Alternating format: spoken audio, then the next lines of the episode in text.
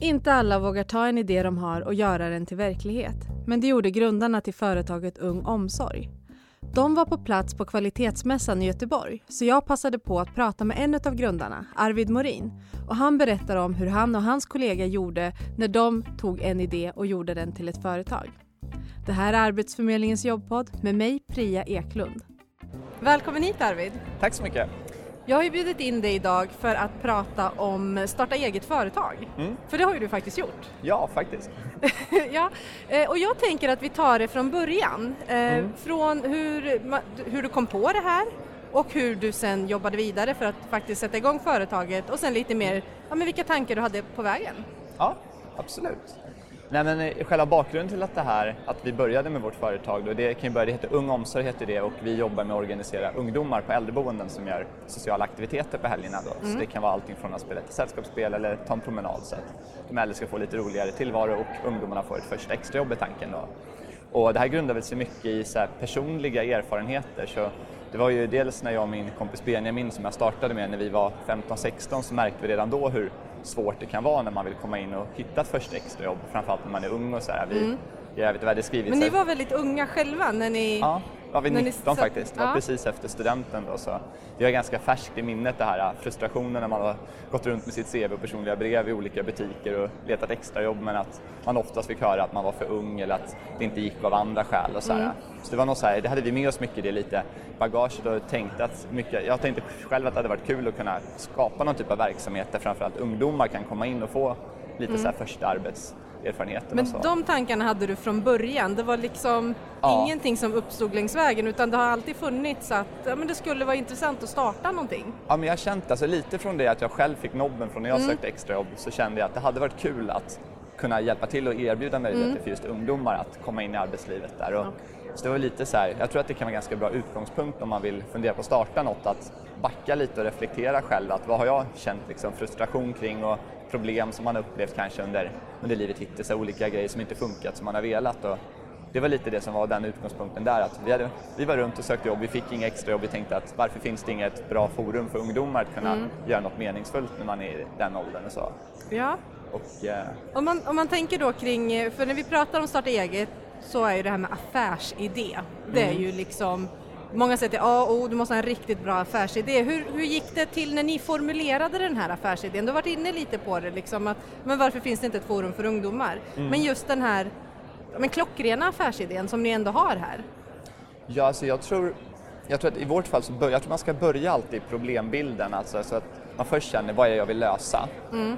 Och sen som du säger så är det viktigt sen också att tänka till på vilket sätt gör man det och framförallt vem skulle kunna tänka sig att betala för det här på något sätt. Och I vårt fall så var det inte alls givet på vilket sätt det här skulle finansiera sig eller hur det skulle vara utan de första projekten så vet jag vi hade, fick sponsring från något så fastighetsbolag som tyckte att det var bra att vi gjorde något för ungdomarna som bodde i deras fastigheter. Mm. Och sen hade vi med, vi försökte, vi var runt och pratade, man kan säga att vi sprang runt på nästan pratade med alla olika företag, kommuner, alltså alla man kunde träffa ungefär för att eh, höra vad tycker ni om idén, kan ni hjälpa mm. till på något sätt? Och jag tror att det är svårt att veta från början vem alltid. Det beror lite grann på, kanske klart, ska man sälja strumpor så kanske det är någon som behöver strumpor som är kunden men vill man göra lite mer så här, samhälls, jobba med samhällsproblem så kan det vara värt att träffa väldigt många aktörer och se olika myndigheter, kanske kommuner, kanske olika företag som kanske vi kan tycka det är någon bra idé att syfta på.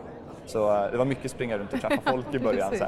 Men formulera affärsidén och sen så gjorde ni undersökningar. Skulle det här vara intressant i samhället? Mm. Och eh, ni fick positiva svar antar jag? Ja, det ja. fick vi. Vi träffade väldigt många då. Många sa att tyckte att det verkade bra och sen var det vissa som sa att jo, men vi kan också bidra, exempelvis det här fastighetsbolaget bidrog med lite pengar och mm. sen så fick vi också kontakt på kommunen som tyckte att det här är något som vi tycker verkar bra eftersom vi ändå pratat om att vi måste göra något för våra äldre och för ungdomar och mm. det här låter som att ni kan säkert göra det här bättre än vad vi kan så de kunde vara, de var med och finansiera lite ett projekt i början då. Och eh, sen har vi ju blivit lite att utifrån de erfarenheterna har man sen kunnat jobba vidare lite på vi träffade också ett privat äldreomsorgsföretag som tyckte att det här var en bra grej och ville vara med och betala ja. för den här tjänsten. Och så. Men den här tjänsten som ni har, för du, jag tänker att ja, men när man är 19 och så kommer mm. man på det här att om vi ska göra en samhällsinsats och vi ska, det här är vår affärsidé. Det är ju långt ifrån kanske an, ja, men som du sa då, det här med att sälja strumpor. Ja men då Mm. har du en produkt och du ska sälja den till personer som behöver strumpor. Här är det ju en ganska, det är ju en ganska stor grej att dra igång det här. Mm. Var du inte rädd? Alltså, var ni inte rädda på vägen du och Benjamin att vad är det vi håller på med? Kom, kom, hur ska det gå? Ja, vi var nog kanske inte aldrig rädda. Det är nog en ganska bra grej. Man ska, nog, man ska försöka att inte vara så rädd utan tänka att det, det värsta som händer är att man, ja, man, får, man får lägga ner och sen så gör man något annat. Och Ja. Det är nog viktigt att liksom inte... Och det värsta som kan hända om man ringer någon är att den personen säger nej och sen ringer man nästa exempelvis. Eller, så jag tror att vi var väl lite, så här, lite naiva att vi, vi sprang in liksom. Vi hade inte bokat tid exempelvis när vi träffade många företag. Vi gick in på, gick runt i, jag är från Järfälla så vi var då runt i Jakobsbergs centrum vet jag och knackade på hos någon mäklarbyrå så var vi inne på någon bank så var vi inne på någon annan och bara gick in och sa hej hej vi hade vägarna förbi och vi har en idé som vi tänkte Ja. berätta för er och se om det är någonting ni kan hjälpa till med på något sätt. Och en del sa ju liksom nej men det här är jättekul vi kan göra det, hjälpa till på det här sättet och vissa sa nej men vi kan inte hjälpa till någonting och så går man vidare. Och, och jag tror, det är klart att så här, det kanske är, det kan vara väldigt, lite läskigt att göra en sån grej. Men jag tror att det var skönt att vi var två stycken för första, att Ja, man hade det. parat ihop sig för då kunde vi liksom stötta varandra lite grann. Att, ah, men, det gick inte den här men nästa så går och ser vi vad de säger. Och det tror jag säkert kan vara väldigt bra att ha om man hittar någon som man vill starta. Mm. Det är klart, vissa kanske kan starta saker själva men jag tror det är ganska få. De flesta mår bättre av att göra det tillsammans med någon kompis tror jag. Så att man stöttar varandra Ja. i det där. Men från den här affärsidén då, att ni var runt och knackade på hos, hos olika företag, ni, ni fick med er massa andra arbetsgivare, kommuner och så här. Hur lång tid tog det från liksom själva formulerandet av affärsidén till att ni faktiskt tog steget och, och kände att nu är vi redo att starta det här företaget? I början så var vi, ehm, så första projektet som vi gjorde i Järfälla var tror jag vi började eh, springa runt lite i november och sen så blev det ett projekt som blev på sportlovet då. Det var lite det som var tanken att vi nu presenterar, vi vill göra det här sportlovsprojektet och vilka kan vara med på något sätt och så här. Och eh, sen så där, och i början så hade vi faktiskt, så drev vi det här som en ideell förening i början mer för att det var en mycket enklare organisationsform att starta igång och vi kände att det passar bra med en förening så här i början att vi, inte, vi vet inte om det här ska bli ett företag egentligen överhuvudtaget. Att Ni testade er fram liksom, Ja. Mm. projektform lite så för att se, kommer det funka? Och sen så kände vi väl egentligen när vi hade gjort ungefär ett års tid där började vi känna att då började det bli många boenden som var intresserade. Vi hade också fått höra från dem att det här är någonting som vi tycker om, ni får gärna komma tillbaka och då, då kände vi att då kanske det faktiskt går att göra ett företag av det här och sen också leva på det framöver då. Men att i början så var det kanske snarare idén som var drivkraften och det tror jag, man, man ska nog försöka hitta en idé som man känner att det här är jag, det här är jag intresserad av och även om det inte blir så att, jag, att det kommer fungera, att man måste tycka att själva idén är kul. Ja, för det var egentligen min nästa Ja. fråga, just det här med drivkrafter, för att det, det krävs väldigt mycket energi, väldigt mycket Mm. tid att faktiskt driva ett företag och framför allt i början Mm. när man precis ska sätta igång och det handlar om finansiering och liksom få med sig folk och, Mm. och, och verkligen våga testa den här idén och då är ditt tips att verkligen brinna för sin affärsidé och, och tankarna kring det. Ja, men verkligen. Och jag tror att sättet som man, för jag kan tänka mig att man också, många som lyssnar säkert funderar, men jag känner inte att jag brinner för någonting eller vad, vad, vad tycker jag är viktigt. Och då tror jag att man får försöka, försöka backa lite och kanske börja i, när tycker jag någonting var fel som jag stötte på? Exempelvis, det här fungerar jättedåligt i samhället, vad det, vad det än kan vara, varför är det så ostädat här eller varför är det på det här sättet, varför, varför blir jag dåligt bemött här? Eller varför dålig service på den här? Eller någonstans man kanske känner en frustration. Och så kanske man kan tänka att jo, men jag kanske kan göra någon som exempelvis, om man tycker det är dåligt bemötande på ett café så kanske man känner att fan, jag, jag kanske ska göra ett företag där jag lär kaféer hur man utbildar personalen, hur man bemöter folk trevligt. Och helt plötsligt har man kanske någon typ av så här, customer experience utbildar företagsidé Ja. på gång. Man vet inte, men att, det kan vara just att, att hitta lite något man brinner för kan vara att börja i något man tycker är fel också. Mm. Så det inte är, för det är inte alltid man har en sån här hjärtefråga som man känner att det här är liksom det som jag alltid har känt hela livet. Och Mm. så riktigt var det väl inte heller för oss heller med just att det blev äldreomsorgen utan det var väl lite en liten slump att vi hade varit mycket på äldreboenden.